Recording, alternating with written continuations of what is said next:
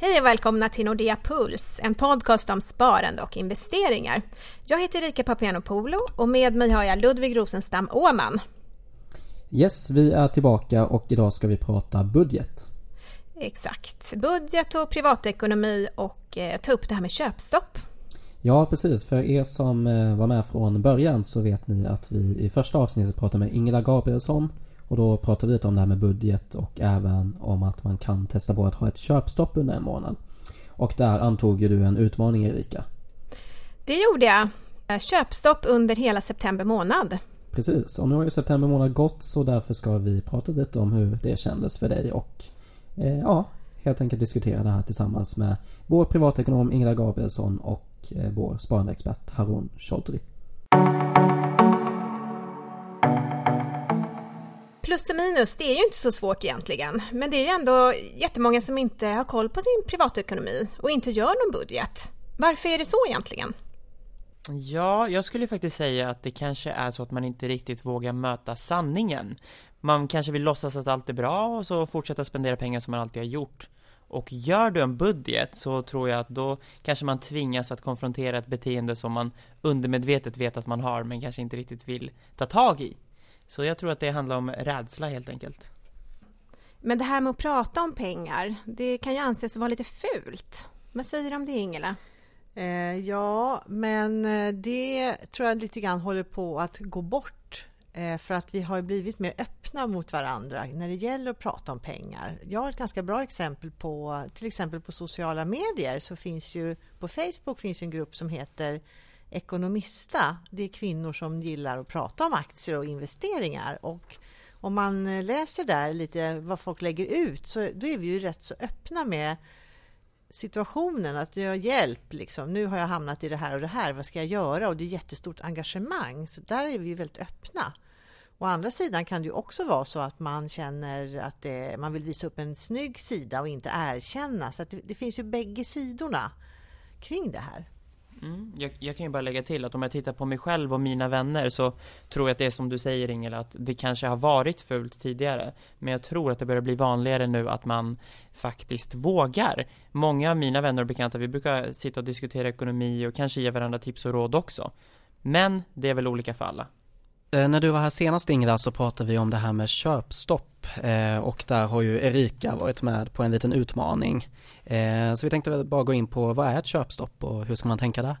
Ja, det ska bli spännande att höra hur det har gått. Ett köpstopp är ju att man bestämmer sig för att under en bestämd period, till exempel en månad, enbart betala räkningar, köpa absolut nödvändigaste som mat och liknande, men ingen shopping, inga extra prylar, inga nöjen egentligen heller, utan man håller stenhårt i plånboken. Och det kan ju vara en nyttig övning och eh, nu vill vi gärna höra hur det har gått för dig Erika. ja, jag antog ju den här utmaningen och eh, jag har faktiskt inte shoppat. Nu låter det som att jag är en riktig shopaholic och det är jag inte, men jag tycker att det är kul att shoppa, det kan jag erkänna. Jag tycker om kläder och ja, lite fina prylar och sådär. Men eh, det har inte blivit någonting med det. Härligt att höra. Blev mm. det mycket pengar över? Ja, men faktiskt så blev det en del över. Men eh, jag har ju barn så att jag har ju handlat lite till dem, men de nödvändigaste sakerna och så.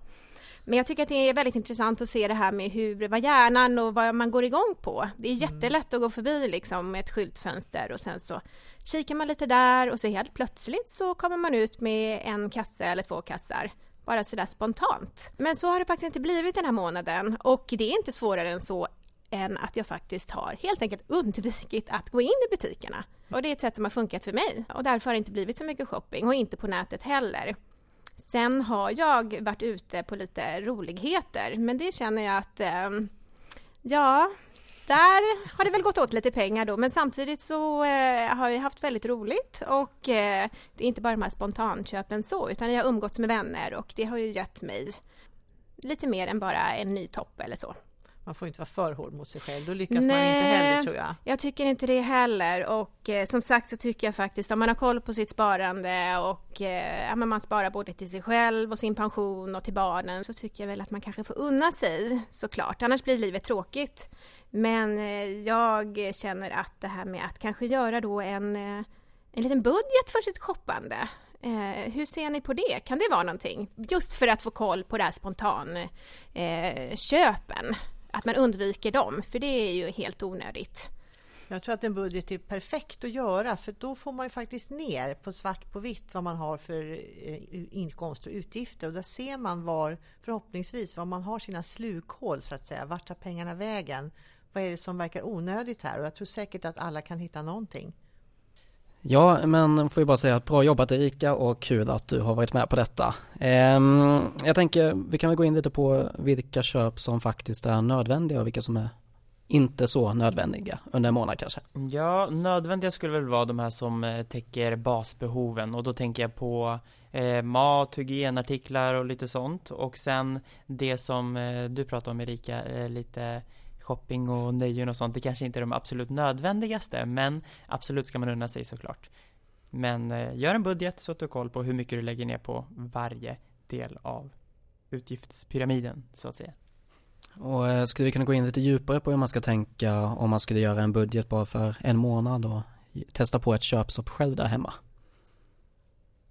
Ja, men det handlar återigen om att man verkligen listar i detalj allting som man gör under en månad. Man får ju börja med en månad där man innan man gör budgeten kanske man ska ha en period när man verkligen samlar in alla utgifter. Antingen så kikar man ju i sin bankapp eller så sparar man alla kvitton så att man har allting samlat och när man har det då kan man ju göra den här budgeten och då ser man ju men oj oj oj är det så här mycket fika på stan?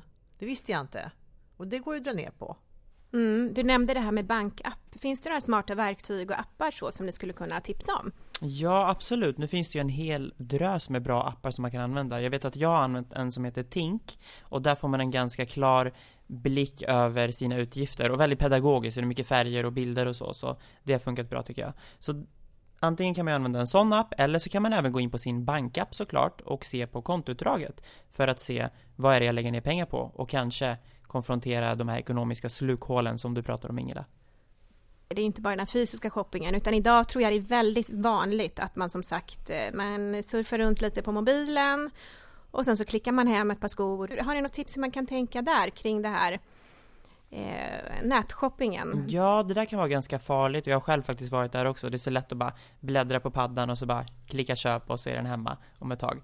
Men jag skulle säga ett mantra som jag lever efter, det är det här klassiska som man har hört många gånger, sov på saken. Så hittar du någonting på nätet eller i butiken, du kan ju alltid lägga det i en varukorg, till exempel på, ja, på en hemsida då. Men du behöver ju inte köpa hem det förrän du faktiskt har sovit på saken och kanske funderat över om du verkligen behöver det. Och det här ger ju också lite utrymme att kanske inventera lite i garderoben. Du kanske inte behöver den där tionde vita t-shirten som du kanske trodde när du såg den på nätet. Så sov på saken, det är mitt bästa tips. När vi ändå är inne på det, eh, tips för att ändra på sina köpvanor. Har du något annat eh, tips där? Eller kanske Ingela? Ja, men det är väldigt tjatande nu tycker jag om det här med budget. Men det är väl liksom där man, man hamnar i alla fall. Och man ska ju använda bra appar och hjälpmedel som finns nu, digitala verktyg. Det blir så mycket lättare och man kan ju när som helst, för vi har ju alla med oss vår mobil och vi klickar hela tiden på den. Och då kan man också klicka på de här funktionerna och eh, skaffa sig koll. Mm. Jag kan ju lägga till att det kan ju också vara bra att man är, man är medveten om själva shoppingprocessen och kanske lär känna sig själv också. Vi vet ju att när vi väl shoppar så får många av oss en kick som känns väldigt bra i stunden och eh, det kanske inte alltid leder till samma positiva känslor dagen efter. Så är du medveten om att ah, den här grejen kommer ge mig en tillfällig kick så har du genast lite mer kontroll över situationen.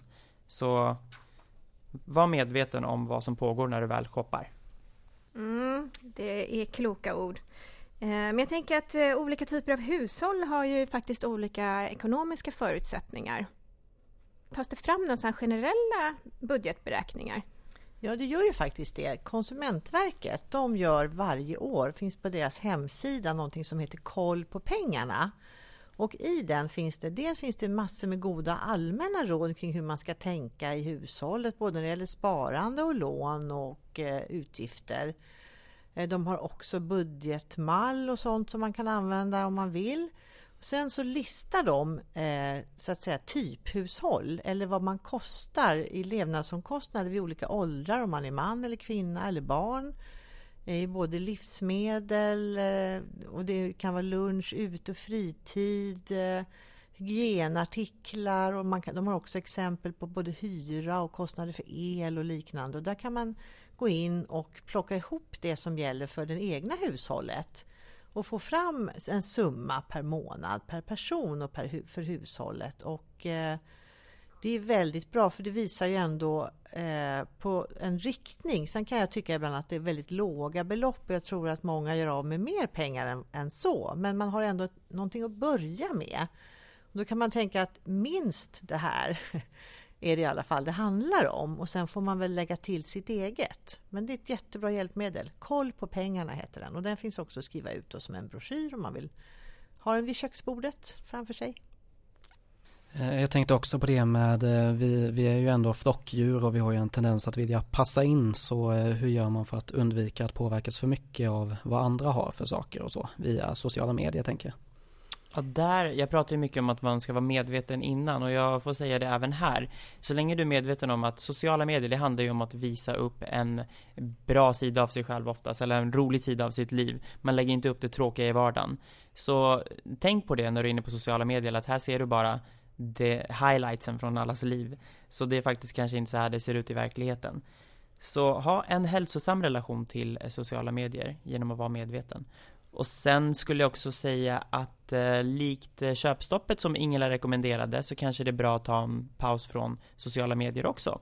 Och bara leva i nuet och ha kul med dina nära och kära istället för att fundera över att lägga upp allting hela tiden. Så försök pausa lite från sociala medier. Jag är ett fan av det här med procentsatser att eh, nu ska jag spara 20% av min nettoinkomst till exempel. Vad tror ni om att bara sätta upp en procentsats i början av månaden och testa? Eh, skulle det kunna vara en sak för att se hur mycket man kan klara av att spara?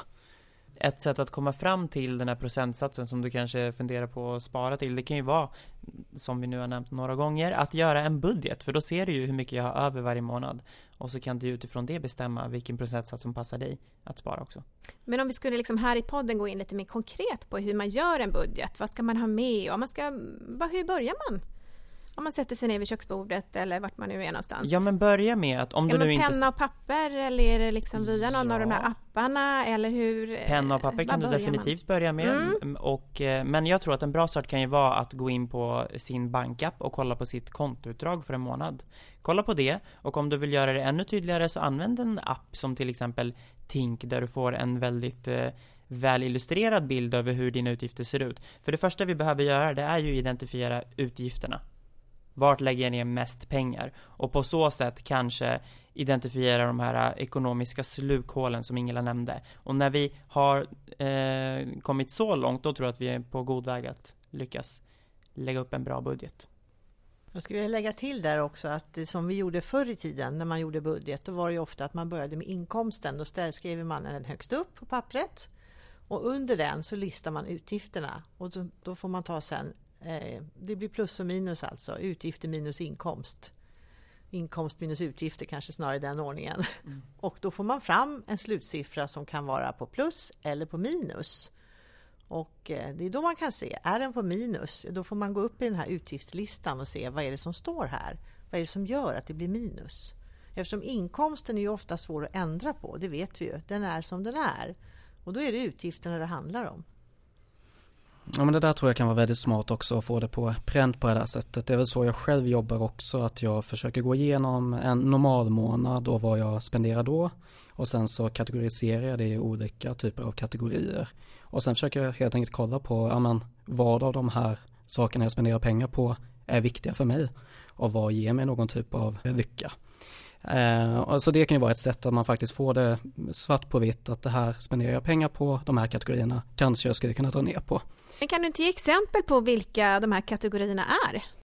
Eh, jo, det kan jag göra. Eh, jag har använt mig av nio olika kategorier.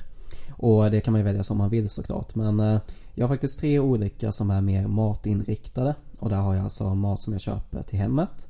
Sen har jag restaurang och så har jag luncher. Och sen har jag sex till då som är resor, kläder, prylar, nöjen, räkningar och sparande. Eh, och har man lagt upp det på det här sättet då så ser man nog ganska snabbt eh, vilka kategorier där man kanske kan kapa lite kostnader. Och man kan ju även se om vissa kategorier är oproportionerligt höga och sådär. Har du Excel-ark då eller? Jag har faktiskt lagt det i min OneNote där jag har ganska mycket annan information men det är bra att ha det i något typ av digitalt system som man kan följa det över tid i alla fall tycker jag. Eh, men har man lagt upp det på det här sättet så får man ju ganska, en ganska bra överblick på vilka kategorier man kanske spenderar lite mer i och var man kanske skulle kunna kapa kostnader. Och sen om man har en bra bild över hur mycket man kan spara varje månad så är det ganska enkelt att planera sitt sparande. Om man kanske har någon resa man vill spara till eller något större inköp.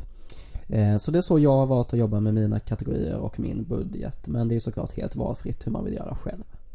Bra Ludvig, jag tycker det låter som ett bra exempel. Skolboksexempel faktiskt. Som sagt, jag, jag bestämmer mig för en viss procentsats och eh, den ska jag helt enkelt spara varje månad. Och eh, sen så får jag sortera ut de här resten av pengarna på de olika kategorierna. Och då är det ju det som känns viktigt för mig, ja men det är till exempel så här umgås med människor, eh, gå på restaurang då och då, kanske inte så mycket det här med att shoppa. Och så resor, upplevelser, det är mycket det som jag fokuserar på.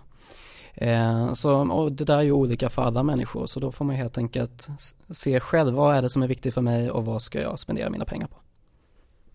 Men det var lite min filosofi den här månaden också. Även om jag hade ett köpstopp så fokuserade jag ändå på att eh, lägga de pengarna mer på att umgås och träffa vänner istället för att köpa de där fysiska sakerna. Och det gav ju mig mycket, mycket mer. Så att eh, det, det låter bra. Det är ju faktiskt en väldigt intressant eh, slutsats där, vad du lärde dig då egentligen, vad, som, vad, vi, vad vi verkligen vill göra om vi måste välja. Och att shopping ger ju snabba kickar men kanske inte den tillfredsställelse man känner när man har umgåtts med vänner och mm. gjort någonting tillsammans med dem. Så det är ju mycket mer värdefullt. Verkligen. Mm. Så att det kan jag verkligen rekommendera. Och testa det med ett köpstopp och eh, sen tror väl jag att jag säkert kommer fortsätta att shoppa lite grann. Men just att man bara testar och ser vad som händer eh, med en själv, för alla är vi olika. Men just vad vill man lägga pengarna på och just det här med att sparandet och ha lite mer koll helt enkelt. Mm, jag är väldigt sugen på att testa ett köpstopp ja. nu efter det här. Testa! Så tack för tipset! Ja! Om vi ska försöka ge lite mer praktiska tips här då eh, inom de olika kategorierna. Till exempel eh, vilka typer av räkningar ska man titta lite extra på? Just det. det vi har ju sagt här eh, att man ska alltid betala sina räkningar först i månaden så att man vet hur mycket pengar man har kvar. Men det kan ju vara så att en del av de där räkningarna egentligen eh, Eh, inte skulle behöva vara med alls. Det kan, det kan antingen vara abonnemang och prenumerationer och liknande som man har gått in på som bara rullar på fast man inte utnyttjar det någonting. Och de ska man ju då säga upp så att man blir av med dem helt och hållet. Sen kan det också vara andra typer av tjänster som försäkringar och telefonabonnemang och sånt. Man får kolla igenom lite kritiskt vad man har och är det, har jag det bästa möjliga för mig? Kanske jag ska byta leverantör och få ner kostnaderna. Det finns ju mycket sånt att göra i budgeten också. Och sen så nämnde jag ju förra gången jag var med lite andra tips och det kan jag kan ju upprepa dem för att det, det kan man alltid behöva höra flera gånger och det kan ju vara att man gör matlåda, tar med sig till jobbet, att man kan man cykla istället för eh, att åka med kollektivt så får man ju både motion och eh, spara pengar samtidigt. Eh, det finns mycket sådana saker man kan göra i det lilla varje dag genom att vara lite mer kritisk både till just räkningar som kommer och till sitt, det egna agerandet och eh, vara lite mer uppmärksam på det och inte bara åka, fara iväg på olika spontana grejer. Jag kan ju lägga till det här med, nu med alla smartphones och allting som vi har så är det väldigt lätt att gå in på olika appar eller ladda ner appar och så startar man en massa abonnemang och sen kanske man inte använder dem. Jag vet att jag själv har varit med om det här. Jag har prenumererat på några tidningar som jag kollar på på min padda till exempel. Och sen eh, så har det gått flera månader när jag bara inte kollar på tidningarna då är det helt onödigt att betala för det. Så gå in på, oftast finns det ju en sån här samlad översiktsbild i din telefon på alla abonnemang som du har. Så kolla på den och eh, fundera över vilka abonnemang behöver jag? Vilka appar använder jag egentligen? Men jag tänker om vi ska försöka ta och sammanfatta detta avsnittet och eh, då gärna i tre punkter. Vad skulle du säga Haron? Jag skulle säga en grej som vi pratade mycket om, det var att ta kontroll över din ekonomi. Och eh, det kan du ju göra genom att göra en budget. Det är det bästa sättet att börja ta kontroll över ekonomin. Och så nummer två så skulle jag säga testa köpstoppet som Erika gjorde. Det ska jag göra vet jag. Och det kan ju vara ett sätt att bryta dåliga vanor på till exempel. Och sen eh, nummer tre Våga prata om din ekonomi med dina vänner, bekanta, få tips och råd, kolla hur andra gör, bli inspirerad. Kan också vara en wake-up call som kanske behövs. Så våga prata. Jättebra tips eh, och tack snälla för att ni kom hit Ingela och Haron. Tack, tack. Tack, tack. Och eh, som sagt så vill vi ju jättegärna ha in feedback och frågor från er som lyssnar. Så skicka gärna det till nordeapuls.nordea.se och där ska det vara ett E på slutet av puls. Eller så har vi även ett frågeformulär som ligger på Nordea Investors hemsida och det är alltså investor.nordea.se. Och ja, det var alltså allt vi hade för denna veckan så vi säger tack och på återhörande nästa vecka.